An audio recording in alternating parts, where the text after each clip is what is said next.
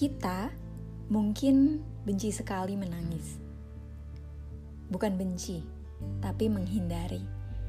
Dewasa ini kita mungkin sangat sering menghindari kegiatan menangis.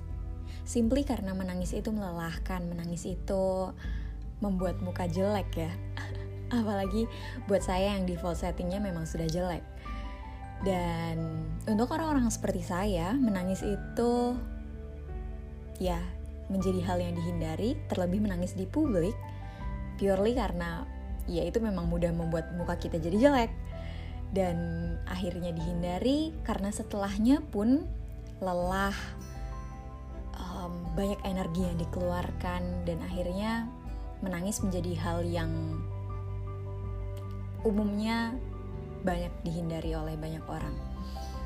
Meskipun begitu, saya ternyata tetap tidak bisa menghindari tangisan.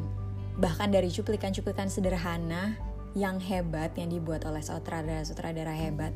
Bukan hebat-hebat yang Marvel atau Transformer ya, tapi hebat sederhana yang simply bisa menggerakkan hati dengan melahirkan perpaduan scene dan narasi meski sekedar dari TV shows bergenre sitcom seperti Modern Family yang akhir-akhir ini saya gemari.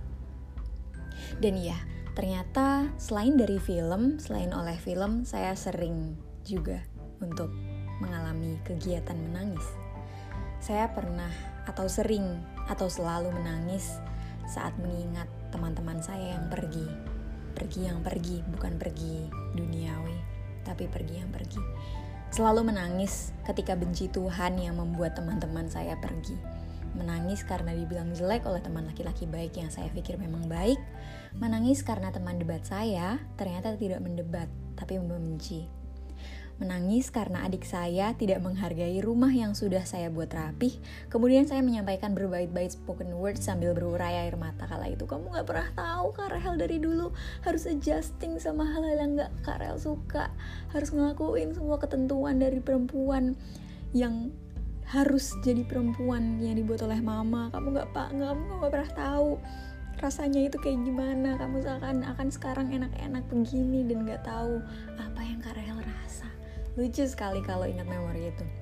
Dan biasanya bila tangisan itu disebabkan oleh rasa marah beberapa menit setelah itu setelah mata kita berubah sembab kita atau saya langsung merasa jadi manusia hina gitu. Hina sekali.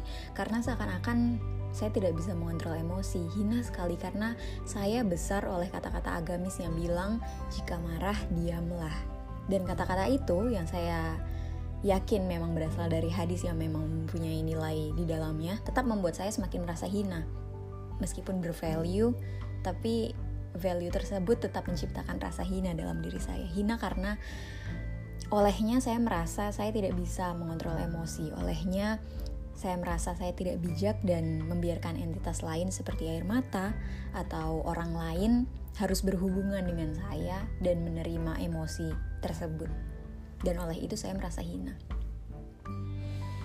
Namun kemudian setelah dipikir-pikir lagi hina itu manusiawi karena emosi yang tadi adalah hal yang manusiawi juga.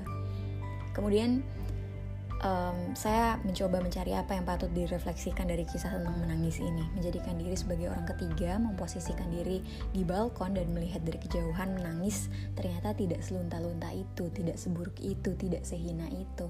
Objek yang ditangisi bisa jadi bijak atau mungkin kita menangis karena legit kita membenci sesuatu, tapi kebencian itu yang yang mungkin sangat hitam dan sangat pekat secara tidak langsung membuat kita sadar bahwa sesuatu yang kita benci itu sebenarnya memiliki peran, peran yang sangat mahal untuk kita. Sebegitu mahalnya hingga kita harus menangis untuknya. Dan sebenarnya pembicaraan ini hasil dari refleksi karena siang ini saya um, baru saja menemukan kejadian menangis melihat adik bungsu paling kecil menangis di hadapan komputer menghadapi kelas matematikanya yang tidak pernah dipelajari tatap muka, bingung akan bagaimana cara mendesimalkan suatu pecahan dan justru tangisan dia siang hari itu membuat saya tersenyum. Tersenyum karena saya melihat bahwa ada tangisan tangisan bingung, tangisan marah yang muncul karena ia tahu bahwa ia tidak tahu. Dan rasa sedih itu akhirnya menunjukkan bahwa tidak memiliki ketidaktahuan itulah yang membuat si yang disedihi menjadi bernilai adanya. Karena isunya matematika, rasa sedih yang muncul karena si bungsu tahu bahwa dia tidak tahu, membuat matematika jadi lebih bernilai adanya.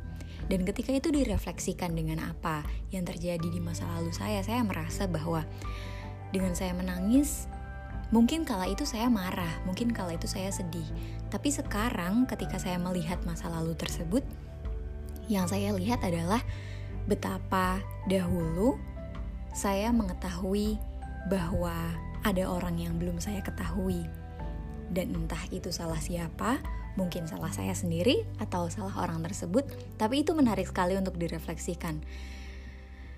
Saya mencoba merekam ulang tangisan-tangisan di masa lalu, menangis karena dibilang jelek, menangis karena sangat sakit hati terhadap satu perkataan teman debat yang mendadak menjadikan poin personal sebagai objek serangan, menangis karena tidak sengaja atau sengaja merenggangkan hubungan dengan seorang kawan lama yang belakang baru saya sadari tampaknya tangisan itu merupakan playing victim ya yang saya buat-buat. Dan seolah-olah saya yang dijahati ternyata saya juga jahat.